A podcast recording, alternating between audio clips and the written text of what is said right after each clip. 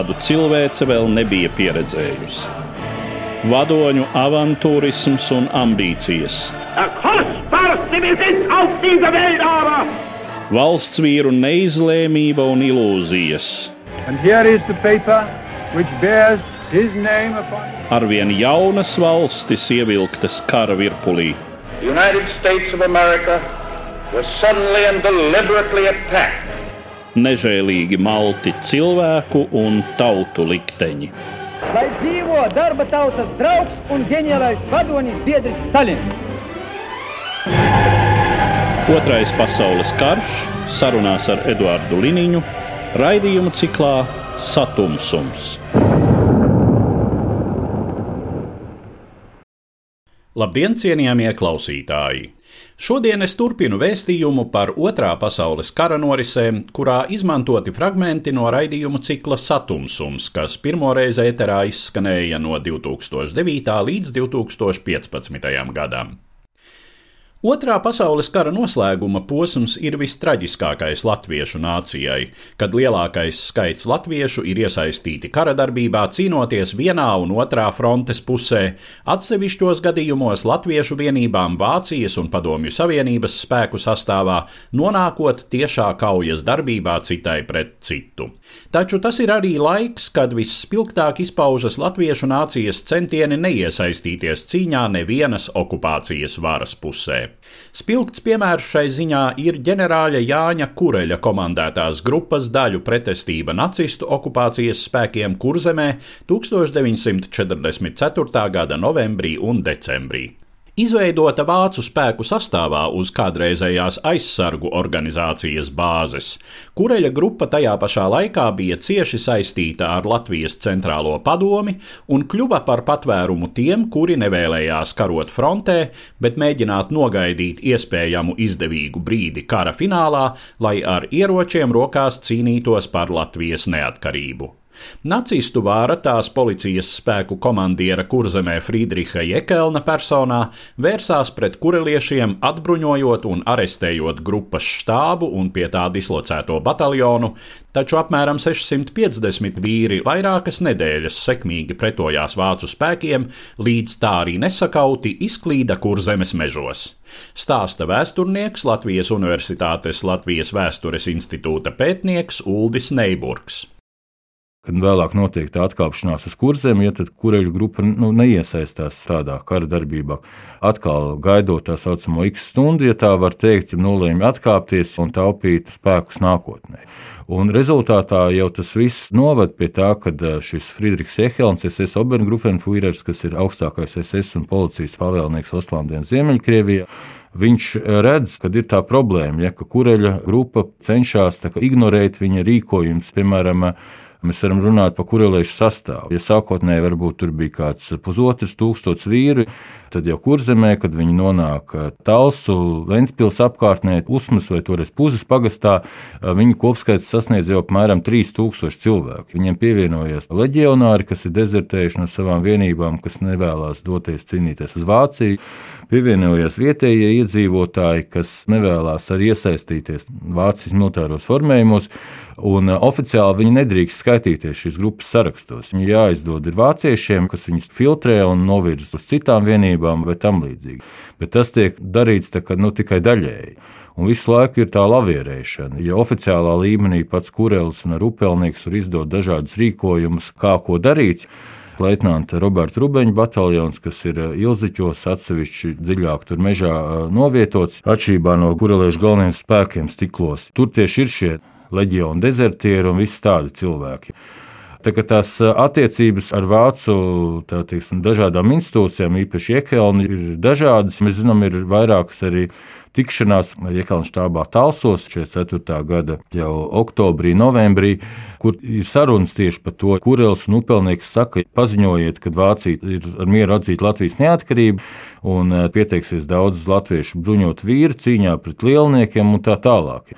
Protams, Vācijas politika nav tāda. Tur ir melīgi solījumi, jā, ka mēs to darīsim, vai Fīrers to mutiski ir apsolījis. Tas noved pie tā, ka tā kureļu grupa tiek likvidēta. Iekelna noslēguma ziņojumā par kureliešu likvidāciju, kas vēlāk jau dažas dienas tiek rakstīts, ir uzsvērts, ka viņi ir uzturējuši neatļauts sakars ar Latvijas sūtņiem ārzemēs, caur viņiem ar rietumu valdībām un tā tālāk. Un, kā mēs zinām, ar ģenerāļa kureļa grupas atsevišķu radistu starpniecību notika arī šī nelegālo radio sakaru uzturēšana ar Zviedriju, kur tika ziņots gan par šo laivu kustību, gan dažādi politiski militāra rakstura informācija tika nodota vai saņemta. Un neatļauta sakaru uzturēšana ar ārzemēm, tas skaitījās ļoti nopietnas pārkāpums, ja teiksim, no nacistu okupācijas varas viedokļa. 14. novembrī aplēns kureliešu galvenos spēkus, puzes pagasts stiklos, grupa tiek likvidēta, likvidēt štābu, vai respektīvi arestēt. Un arestēt šo pulkveža leitnanta Graudiņa bataljonu, kas ir apmēram 700 vīru, kas ir eh, novietots stiklos. Bet ir vēl, teiksim, tur dišlera vienība vai strautnieku bataljons, tur ēdolē, piltenē, vēl iliņos un citās vietās ir citas arī vienības, kuras 14. novembra aresti neskarja. Kas ar viņiem pēc tam notiek, arī ir tāds nevisai skaidrs. Daļa vienkārši izdodas viņiem noslēpt to saistību un tā tālāk, bet šodien ir skaidrs, ka tā kureļu grupas organizācija neaprobežojas ar šo vienu vietu, kur atradās štābs. Tīkls veidojās daudz plašāks. Tātad eh, kureli atlaiž pie ģimenes, vēlāk nosūta ģenerāla inspektora Bangēras leģiona štāba rīcībā uz Vāciju. Ja viņš karu pārdzīvo, mirst vēlāk Amerikā 1954. gadā štāba virsniekus. Kopā viņi ir 11, viņus tātad iesloga talsos. Vēlāk, 19. novembra naktī Liepājā ir izņēmuma stāvokļa tiesa. Astoņus no viņiem soda ar nāves sodu, trīs tātad apžēlo. Kas notiek tālāk? Tad šī uh, leitnanta Rubeņa vienība, kas sākotnēji apmēram 650 vīru, viņi atsakās pildīt vācu rīkojumus. Un 18. novembrī, tātad jau četras dienas pēc šī notikuma, tieši Latvijas valsts uh, svētku dienā, notiek pirmā tā saucamā rendas kauja, kur pretīm rubeniešiem ir tas saucamais vācu šaca bataljons, kur rubenieši ir spējīgāki un vēlāk izlēku kaujas, ja pretī veidots tāds speciāls kapteiņa Helda bataljons, kaujas norisinās 6. un 7. decembrī. Šo kauju laikā tieši rubenieši ir tie, no kuru lodēm 7. decembrī rīt gan šis kapteinis Helds, gan eh, bijušais Salaspils koncentrācijas nometnes komendants Kurts Krause un vēl vairāki vācu virsnieki. Un eh, pēc Rubeņa eh, bataljona muzeja aprēķiniem šajās divās kaujās, 18. novembrī, 6. un 7. decembrī, krīt vācu pusē līdz pat 200, 250 cilvēkiem, kamēr rubeniešu zaudējumi ir kādi 50 cilvēki. Diemžēl bataljona komandieru leitnantu Rubeni nāvīgi ievainoja jau 18. novembrī, viņš iet bojā. Taču, kā tagad ir noskaidrots virsnieka vietnieks Aleksandrs Druviņš, kas pārņem bataljonu vadību, arī vēlāk tiek ievainots 6. un 7. decembra kaujās, taču Viņš nepamat ierindu, ja viņš turpina komandēt savus vīrus, un veiksmīgi ar nelieliem zaudējumiem viņiem izdodas iziet no šī vācu aplankuma loka. Pats Druviņš, kaut ir smagi ievainots, viņu paslēpt tur laidarāju mājās. Vēlāk aizved viņu slepus uz tālu slimnīcu. Tur medmāsiņas viņam pat rūsas pielīmē, lai viņu nepazītu. Un viņš karu pārdzīvo no padomju arī dažādām iestādēm. Viņam izdodas noslēpt savu dalību kureliešos, dzīvo suntežos un mirst laikam 1977. gadā. Protams, vēl neskaidrs ir to vairāku simtu arī kureliešu liktenis, kas palika mežos Ir zināms, ka vēl 44. gada beigās, 45. gada pat pavasarī bija bijušie kurelieši, kas meklēja patvērumu, kas meklēja pārtiku, kas centās nokļūt laivām pāri uz Zviedriju. Nu, ir jau tāds teiciens, ka leģionā bija divas divīzijas, un tur bija mežā bija trešā divīzija. Ir cilvēki, kas vienkārši mēģina uh, izdzīvot, sagaidīt kara beigas. Ir cilvēki, kas ir ielikumi kaut kādās padomju, partizānu vai kaujinieku vienībās. Ir vienības, kur ir kaut kādi vietējie cilvēki un ir kaut kādi ar izpletņiem tur nomestie cilvēki. Ir tā saucamās vācu organizētās meža kaķu vienības. Tāpat ir dažādas frontes izlūku grupas, kas atkal apkaro vienus vai otrus. Pa starp ir šī kureļa vienība, un tās varētu teikt, paliekas vai cilvēki, kas teiksim, pēc šī 9. decembra no Rubeņa bataljona centās izdzīvot. Tur arī dažādi stāsti, kur kā, paliek. Ir ziņas, ka piemēram atsevišķām vietām, ja tiek arī būvēti bunkuri, kad ir uh, slēpšanās pie vietējiem, pat ir bijušie kurelieši gājuši un meklēt pārtiku tajos pašos stiklos, kur viņi savulaik bija štābs un kur viņi zināja, kur bija tie pārtikas krājumi. Diemžēl padomu laikā jau neviens to tā nepētīja. Tur jau galveno uzmanību pievērst pavisam citiem jautājumiem par sarkaniem partizāniem un tā tālāk. Tā kā mēs daudz ko nezinām. Ir tāda Leonīda Ciliņa grāmata Latviešu Štutkovas koncentrācijas nometnē. Tur ir vairāk simt kureliešu vārdi, kas nonāca Štuthofā un citur ieslodzījumā. Vēstures doktors Zinters Ērglis ir publicējis savā grāmatā Latvijas centrālās padomus nezināmās lapuses padomju drošības iestāžu pēckara apcietinātos kureliešu sarakstus, kam ir krimināllietas, tas ir kādi arī 300 cilvēki. Daļa bija tādi, kas pievienojās tam pašam vācu apvēra dažādām struktūrām. Daļa varbūt eh, pat nonāca leģionu vienībās, uzdevās pa civilistiem, vai gan lielākā daļa varbūt nu, vienkārši nelegāli sagaidīja kara beigas, ja pēc tam viņus padomu iestādes tur filtrēja, un tie likteņi bija nu, visdažādākie. Pat vēlāk, jaunāki gadagājumi tur nonākuši sarkanā armijā, iesaukt, un cilvēki, kas atkal ir tiesāti, ja, kas nonākuši dažādās gulaga nometnēs, un eh, tas ir stāsts diezgan dažāds. Apmēram 1000, 1300 teiksim, cilvēku Liepājā, Ventspīlī, Talsos cietumos, vēlāk uh, tiek aizsūtīti uz dažādām nometnēm. Tur Stuthofā, Buhenvaldā, Neiengamē, Kēnigsbergas un tā tālāk.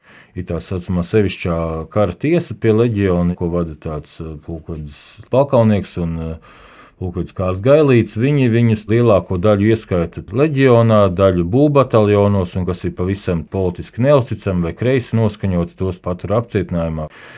Mums ir jāuzsver šī nostāja, un bieži vien mēs esam pieraduši runājot par pretestību. Mums ir tas padomu laiku, manuprāt, tā izpratne, ka svarīgi ir, cik tur ešalonus uzspridzināti, cik tur fašistu karavīrus nošāva un tā tālāk. Bet mūsu gadījumā, ka mums ir divas okupācijas, Es domāju, tiešām svarīgi ir uzsvērt šo Latvijas neatkarības ideju, šos Latvijas neatkarības centienus. Diemžēl tā arī ir realitāte, ka vairums Latvijas iedzīvotāju kara laikā varbūt ieņem pozīciju, kurš ir mazākais ļaunums - krievi vai vācieši, ja tā var vispārināt. Un tad, attiecīgi, kurš ir tas mazākais ļaunums, tad viņi nu, pieslienās tam vai Bet varbūt ir tikai neliela daļa to ideālistu, kas nonāk pie tās izpratnes, kad īstenībā nav tā mazākā ļaunuma, ka ļaunumi ir abi un mums teiksim, tā konsekventi nostāja par neatkarīgu Latvijas valsti. Tīri politiski, ko dara LCP un citas pretestības grupas, un tīri militāri, ko mēģina darīt kurelieši. Protams, tur var diskutēt, ja mērķis bija teiksim, Latvijas neatkarības izcīnīšana vai cīņa pret abiem okupantiem, vai, piemēram, 14. novembrī vajadzēja pretoties vai nevajadzēja pretoties. Bet katrā ziņā nu, es varētu atkal citēt to pašu teologu Haraldu Biezo, kurš ir rakstījis, ir jāsaprot, ka vienai tautai brīvību nekad nenes svešinieki. Un, ja mēs runājam īpaši par tādām nu, divām totalitārām varām, ja nacistu un komunistu režīmiem, tad nedod Dievs kaut kas līdzīgs atkārtotos, tad acīm redzot, nu, tas būtu jāsaprot uz visiem laikiem. Latvijas iedzīvotāji varētu teikt, bija diezgan neapskaužamā situācijā, jo nebija jau to orientieru, nebija kas dotu kaut kādas rīcības modeļus un tā tālāk. Tajā pašā laikā vērsās plašumā pretestība arī padomju okupācijas varai Latvijas austrumdaļā. Īpaši aktīva tā bija Ziemeļlatgalē, kur 1945. gada 2. martā Stompaku purvā pie Viļakas notika lielākā kauja Latvijas Nacionālo partizānu cīņu vēsturē. Stāsta vēsturnieks Latvijas Vēstures institūta pētnieks Zigmārs Turčinskis. Šim reģionam ir sava pieredze Latvijas atbrīvošanas cīņu laikā. Tur izveidojās tāds Latvijas partizānu pulks, ko izveidoja paši vietējie vīri no nelielām zaļo partizānu grupām 19. gada vasarā, apvienojoties, cīnoties pret lielnieku režīmu, mēģinot viņus izdzīt ārā pašu spēkiem. Tas ir tāds vietējs fenomens, kam arī balvos ir piemineklis Staņislavs. Un līdz ar to šim reģionam bija priekšstats, ko darīt atkal tādā situācijā, kas līdzīgi atkārtojas. Ka ir jāiet mežā, ir jācīnās pašiem, ir jāmeklē savstarpēji kontakti, jāveido organizācija. Un ļoti daudz, kur ir teikts, kāpēc es gāju mežā. Tāpēc, ka mans tēvs bija Latvijas partizānu pulkā, un es ja zināju, ka es arī tieši un darbošos tieši tāpat. Padomju vara Latvijā jau eksistē no 44. gada jūlija beigām, augusta sākuma, kad ir ienākusi sarkanā armija, un tās aizmugurē sāk veidoties padomju varas struktūras. Vispirms ierodās operatīvās grupas, kas ir izveidotas jau iepriekš, kas veido apriņķa pārvaldi, pēc tam pagastu pārvaldes, izpildu komitejas. Kā piesaks viņiem tajā brīdī ir NKVD karaspēks, jo vietējās izstrebīķeļu un milicijas vienības veidojas ļoti lēni.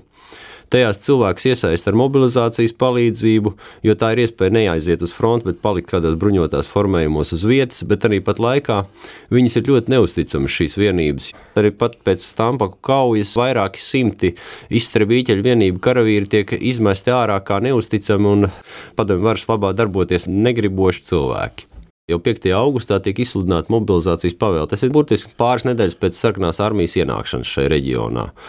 Viena daļa vietējo cilvēku pakļaujās šī pavēlē, bet liela daļa cilvēku vienkārši paliek mājās, dzīvo un neņem vērā pagaidām to mobilizācijas pavēli. Vai nu aizies garām, vai neaizies.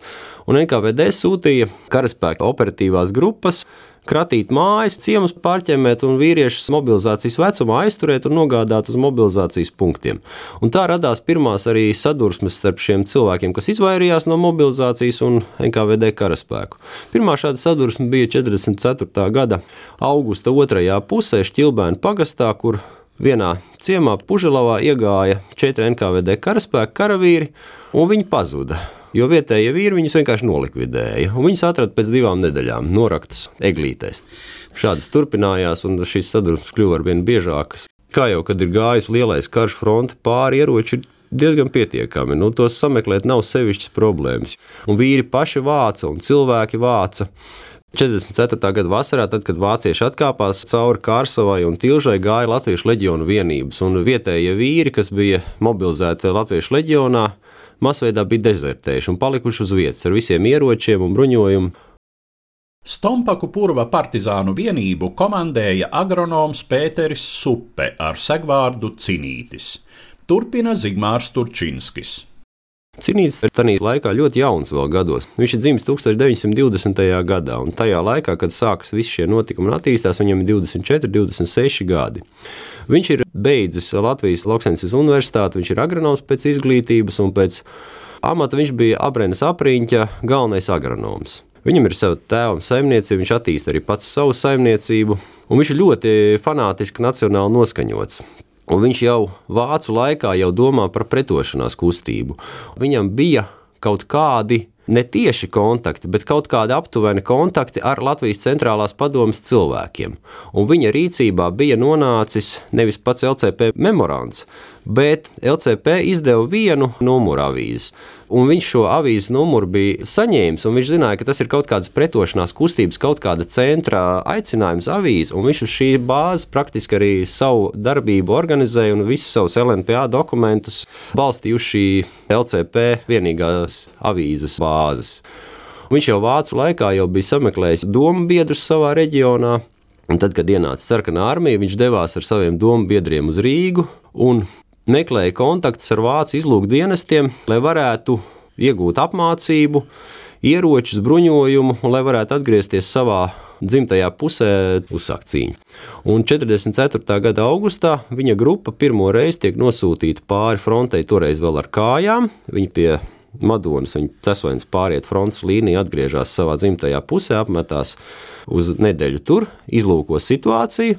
Izrādās, ka cilvēki tur ir ļoti daudz, kas ir dezertējuši un neiet sarkanajā armijā un ir gatavi cīnīties. Un ar šīm ziņām viņš atgriežas atkal Vācijas pusē. Un viņš tiek nosūtīts uz Austrumprūsiju, uz Vācijas izlūkdienestam, piedarošu Austrumprūsijam Vormdītas lidlauku, un viņš tur tiek apmācīts desantēšanai. 11 cilvēku liela grupa, kuru vācieši nodēvē par eh, grupu Laplanda, un 44. gada 1, 2 un 3, 4 oktobra naktī viņi tiek desantēti Abrenes apriņķa teritorijā atpakaļ. Jau ar uzdevumu darboties un cīnīties un veidot partizānu kustību. Viņi mēģināja sazināties ar rāciju ar vāciešiem, bet vācieši neatbildēja, jo oktobra sākumā no Rīgas visi evakuējas, acīm redzot, tiek pamesti gan šifri, gan viss, un nekādus kontaktus viņiem nekad neizdevās nodibināt vairs ar vāciešiem. Cinītis pats faktiski šai grupā ir kā nu, tāds idejiskais līderis. Viņa vietnieks Staņislavs Ločmēls ar sagvārdu Dūzi un uh, Antons Circāns ar Sagvārdu Vārpu, kas ir divi praktiskākie organizatori, kas gāja no grupas uz grupu un aicināja cilvēkus, domāja sakaru sistēmas un kā to visu izveidot. Cinīts vairāk bija no sākuma tāds teorētiķis, kas rakstīja papīrus un rakstīja dažādas pavēles un instrukcijas, un lielos daudzumos viņš tās spēja ražot. Sākumā viņiem tā doma bija sakoncentrēt visus partizānus pēc iespējas maksimāli vienā vietā. Viņi izvēlējās Stampaku purvā vairākas savstarpēji saistītas saliņas, kuras nosauca par saliņu mītnēm, un tur viņi sāka pulcināt visus viņiem zināmos partizānu grupas. Viņi aicināja doties uz turieni un iekļauties organizācijā, un pamazām tur izveidojas aptuveni 350 cilvēku liela apdzīvota partizānu nometne no kuras apmēram 40 bija sievietes, pārējie bija vīrieši, 300 kaujas spējīgi vīri tur bija un viņu doma bija tur turēties līdz mainīsies starptautiskā situācija, Vācija tiks sakauta un nāks palīgā rietumu valstis. Un viņi vāca pārtiku un bija gatavi tur dzīvot līdz kaut kur viņi rēķināja 45. gada vasarai, ka viņi tur dzīvos, un tad no turienes viņi dosies uzbrukumos un reidos un cīnīsies pret padomju varas atbalstītājiem. Un tad, kad sāksies lielais karš, tad bloķēs ceļus un spridzinās dzelzceļus un uzbruks armijas vienībām tāda nometne, kurā nepārtraukti staigā iekšā un ārā, protams, diezgan ātri būtu atrodama. Jo faktiski tas joks bija tāds, ka uz nometni ejošais ceļš, viņš gan gāja nevis no Bauviļakas ceļa, kā tagad iet pie nometnes iekšā, bet viņi gāja no Šķilbēna puses. Un tas ceļš sot bijis iebraukāts vairāk nekā Bauviļakas lielceļš. Acīm redzot, tā padomju varas ne tā čekas informācijas sistēma bija tik attīstīta, ne arī viņa bija tik zinoša un visu varoša. Un iedzīvotāji, protams, vairāk atbalstīja savus partizānus un klusēja. Un, protams, padomju vara apmēram zināja, ka kaut kas kaut kur briest un mēģināja sūtīt savus aģentus iekšā, bet, protams, arī tur nebija nekādas izdomātas aģentūras sistēmas, kā iesaistīt. Tur vienkārši sūtīja faktiski padomju aktīvistus, kas tēloja nu, kaut kādas mešcirtēs un tādas, un viņi tika diezgan ātri noķerti un nolikvidēti turpat no nometnes apkārtnē, un faktiski viņi neatgriezās. Līdz ar to precīzā daudzmaz bija tad, kad viņi 45. gada februāra 20. datumos Čilbēna pagastā sagūstīja vienu partizānu, kurš bija no nometnes izgājis uz mājām pēc pārtikas. Nopratināšanā viņš teica, ka es dzīvoju mežā nometnē, kurā ir apmēram 200 cilvēku, un norādīja aptuveni, kā uz to nometni aiziet. Bet Čeka nenoticēja, ka ir tik liela nometne. Viņi rēķināja, ka ir apmēram 30, 40 cilvēki, ne vairāk. Un ar tieši tādu domu viņi to karaspēku operāciju pret šo nometni veids kā pret 30, 40 cilvēkiem, nevis pret 300 cilvēkiem. Un savukārt partizāni atkal īsi pirms Stampaku kaujas sagūstīja Abrenes apriņķa sarkanarmijas pretizlūkošanas smerša leitnantu pilnvarotu Avrenes apriņķī. Un tas viņiem savukārt izstāstīja, ka Čekai ir ziņas, kur atrodas nometne. Un partizāni atkal rēķināja, ka mēs esam 300 cilvēki, tātad Čekai ir vajadzīgi nu, vismaz 1000 vai vairāk cilvēku, lai mūsu nometnē uzbruktu. Un viņi gaidīja, kad nāks lielākas karaspēka vienības, kad kaut kas notiks. 2. martā tika veiktas faktiski divas operācijas. Vienlaikus viņi aplēca visu Stompaku un Brūklāju mežu. Visus no meža izējošos ceļus viņi nobloķēja un vienlaikus sūtīja divas karaspēka grupas. Viena bija pret saliņu mītnēm, Stampaku kauju, kur izveidojas, un otra bija Lazdu kalnā. Viņi meklēja vēl vienu tādu garsterdēles grupu, kur nebija pievienojusies Stampaku nometnē, bet tur bija apvienojušies pārsvarā vīri no garsterdēles ciema. Tā vienība, kas tika sūtīta Brūklāja mežā pret garsterdēlu, Lazdu kalnu apkārtnē, tā neko neatrada meža pārķemmējot tādā pusē. Savukārt tā vienība, kas tika sūtīta pret saliņu mītnēm, uzdūrās nopietnai pretestībai, kā rezultātā viņiem izdevās ieskriet pirmajos četros bunkuros iekšā. Un pēc tam partizāns sāka pretoties, sakārtojās, un rezultātā abas puses iesprūda tajā saliņu mītnēs un vairs visu dienu netika ne uz priekšu, ne atpakaļ. Tad, kad sākās kauja, faktiski arī partizāni bija pārsteigti un partizānu vadība. Jo Cinītis tajā brīdī vēl bija gulējis, tas bija agrs rīts, un Broņislavs Slutskis, leitnants, kas bija nometnes komandants, ieskrien pie viņa un saka: Pēter, celies, Krievi jau pie posteņiem. Viņš ir samiegojis, teica, ko tu mūldi, nevar būt. Bet nu, šaušanu varēja dzirdēt, un tad jā, tiešām nāk virsū. Čekas pusē 480 apmēram cilvēku visā operācijā iesaistīti. Jārēķina, no 480 apmēram 200 stāvēja aplenkumā, un tikai apmēram 200 tika iesaistīti kaujā pret partizānu. Tā faktiski tie čekisti, kas uzskrēja virsū nometnē, bija apmēram līdzvērtīgi kā partizānu spēki. Tas viss beidzas ar to, ka kauja turpinās visu dienu. No sākuma viņi ir intensīvāki, pēc tam abas puses redz, ka viņi viens otru nevar ne padzīt, ne uz priekšu, ne atpakaļ. Viņi iesprūst. Vienā brīdī partizāni mēģina aplenkt nometnes priekšsalā ieskrējušos čekistus. Viņi iziet purvā, bet viņus apšauda un tur tiek ievainots Staņislavs Ločmēls Dūza, cinīša vietnieks un sudrabiņš komandieris un partizāni atvelkas atpakaļ. Čekisti savukārt mēģina apiet nometni no otras puses, no ziemeļu puses, kur arī sastopas nopietnu pretestību, pēc tam visu dienu faktiski turpinās tāda neliela apšaudīšanās. Un abas puses domā, ko darīt tālāk. Partizāni principā domā, ka ir jāiet prom no nometnes un nosūta jaunākus, kaujās nepieredzējušākus puikas attīrīt ceļu, lai izrakt sniegu un kritušus kokus novākt pa to ceļu, uz kurien viņi ies projām uz Garstērdēlas pusi, tas iznāk uz eh, rietumu pusi. Savukārt čekisti izsauc no Rēzeknes sarkanās armijas artērijas bateriju un gaida tās ierašanos, lai varētu atkal uzbrukt. Un līdz ar to visu 2. marta dienas otro pusi ir tāda nu, neliela apšaudīšanās tajā nometnē. Tad, kad iestājas vakars, tad partizāni savāca savus kritušos, apmēram 13 cilvēkus. Viņi svinīgi viņus apglabā nometnē un sāk atkāpšanos, tumsai iestājoties. Viņi mēģina vienā vietā tikt pāri ceļam, viņi uzskrien uz čekistu posteņiem, kas sedz ārā ejošos ceļus. Pagriežas uz vēl vienu pusi, atkal sastāv pretestību, pēc tam piedzena triecienu vienību ar ātršā vai ložmetēju kalzāņu, tad viņi praktiski izgrieza sev ceļu tajā vietā, un tā arī viņi aizgāja uz bruklāju pusi, uz rietumu pusi. Šai kaujā arī zaudējumi faktiski ir līdzvērtīgi. Partizāni zaudē apmēram 28 cilvēkus, un čekai ir plus mīnus 32 kritušie. Šī vienība pēc izlaušanās izklīst mazākās grupās. Viņi atgriežas tajās nometnēs, no kurām viņi ir nākuši, pirms viņi ir devušies uz Stampaku saliņu mītnēm. Lielākā no tām vienībām aiziet 70 eh, aptuveni cilvēki uz grīvas mežiem, tas ir uz Tilžas pagasta dienvidu daļu, kur izveidojas otra nometne, kuru vada kapteinis Ozols, kur īstā personība šobrīd vēl nav noskaidrota tieši Tilžas meža tajā brīdī kļūst par partizānu kustības centru līdz aprīlim, kad eh, viņi paši nolēma, ka tā nometne ir par lielu un kad viņi ir jālikvidē. Taču, ja līdz šim mēs tā esam domājuši, ka pēc tam pa kaujas it kā iestājas klusums, taču faktiski tā nav. Ļoti sīvas kaujas un nežēlīgas sadursmes turpinās vēl visu marta mēnesi. 7. martā Viļakas apkārtnē Melnā Rūcī. Tur bija kauja, kur krīt septiņi partizāni. Pēc tam 14. martā Čekistiem izdodas uzbrukt tai nometnē, ko viņi meklēja vienlaikus ar Stampaka nometni Garstērdaliešu grupai Brūklāju mežā. Tur partizāni savu nometni ir nomīnējuši, un e, čekisti ieskrien mīnu laukā, un pēc tam atkāpjoties partizāni vēl mīnē savu atkāpšanās ceļu. Kā rezultātā partizāniem ir e, pieci kritušie, Savukārt no čekistu puses ir zināms, ka ir kritis bataljona komandieris majors pēc pakāpes, un vēl vairāk čekistu, bet precīzi skaitu es nezinu. Pēc tam 28. martā Aušas silā, tas strautu pusē Liepnas pagasts, tur ir nopietna kauja, kur 28 partizānus aplēns apmēram 300 čekistu liels karaspēks un uzbruk, un arī notiek faktiski vairāku stundu ilga kauja, kā rezultātā ir krituši 12 partizāni, un čekistiem ir 5 kritušie un 5 ievainotie. Tā skaitā atkal vēl viens bataljona komandieris kritis. Tā kā nu, tās kaujas vēl turpinās līdz pat pavasarim, diezgan intensīvas. Partizāni vairs nepulcējas lielajās nometnēs. Viņi pulcējas tā 5, 10, 15 cilvēki. Bet viņiem visiem ir savstarpēji sakari, un, piemēram, norganizēt uzbrukumu Tilžas pagasta centram, kad var sapulcēt atkal 50 cilvēkus dažu dienu laikā, tā nav nekāda problēma.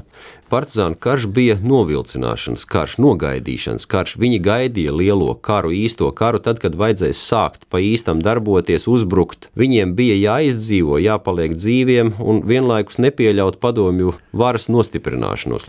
Šis karš bija tāds lēns un ilgstošs. Un diezgan nežēlīgs arī savstarpēji, jo vajadzēja likvidēt tos, kas sāk sadarboties ar padomju varu un kas iesaistījās.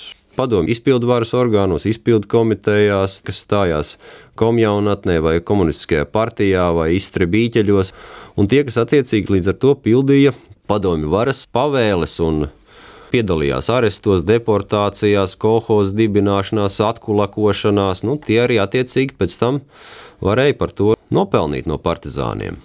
Tāpat aģentūras vervēšana, kad cilvēki tiek spiesti sadarboties. Visbiežāk jau spiesti sadarboties ir tie, kas arī paši pirms tam ir bijuši mežā, ir iznākuši ārā, jo nav redzējuši vairāk iespēju turpināt šo cīņu, un lai izvairītos no āresta vai pasargātu savu ģimeni, viņš atkal ir spiests sadarboties, partizāns atkal mēģina izdzīvot un mēģina savu ģimeni pasargāt, un šādu cilvēku atkal mēģina atrast un nogalināt. Tas ir, protams, ārprātīgi nežēlīgas lietas, un tur var aiziet cilvēki līdz galējībām, sargājot savu ģimeni un paši sevi. Ja runā par angļu un amerikāņu atbalstu, vai ticēja vai neticēja. Viņi ticēja līdz pēdējiem, pat vēl 50. gados, tie, kas bija mežos, viņi ticēja, un tā bija gandrīz vai tā kā reliģiska pārliecība, ka būs, ka nāks, un tam noteikti ir jānotiek, jo kaut kādam mērķim taču jābūt. Cilvēks nevar dzīvot bezcerībā. Partizāna komandieris Kārlis Mūsiņš, valks pusē, viņš līdz pat 53. gada septembrim, kad viņu sagūstīja, viņš mācījās angļu valodu, jo tā būs vajadzīga tad, kad nāks rietumu sabiedrotie tāda aktīva kaujas darbība un partizāna darbība un aktīvas čepkas operācijas ar lieliem spēkiem un kaujas mežos pie bunkuriem, kur ir liela zaudējuma abām pusēm, turpinās līdz 50. gadam. 50. gada ziema ir viena no tādām, varētu teikt, pēdējām asiņainākajām ziemām, kad pie Aknīstas aplēns 13 partizāns, 550 čekistu, vairākas stundas notiek kaujas un uh, visi 13 partizāni krituši. Čekistiem ir 9 krituši, 9 ievainoti saldū, kur notiek ielu kaujas, kur nodeg vairākas mājas, šādas kaujas turpinās visā Latvijā 50. gada ziemā. Pēc tam jau ir mazas grupas, kuras turpina turēties. 53. gads ir gads, kad ir kaujās krituši 100 nacionālajie partizāni. Pēc tam no 54. līdz 56. gadam ir 26 nogalināti partizāni. Var teikt, no 53. gada tiešām atsevišķi individuāli gadījumi. Līdz ar to izskan mūsu raidījums, kas bija veltīts latviešu nācijas mēģinājumiem Otrā pasaules kara noslēgumā ar ieročiem rokās cīnīties par Latvijas suverēnā valstiskuma atjaunošanu. Dzirdējāt vēsturniekus, Latvijas Universitātes Latvijas Vēstures institūta pētniekus Uldi Neiburgu un Zigmāru Turčinski. Uz redzēšanos, cienījamie klausītāji! Raidījumā šīs dienas acīm cikls Satumsums - sarunas par Otro pasaules karu.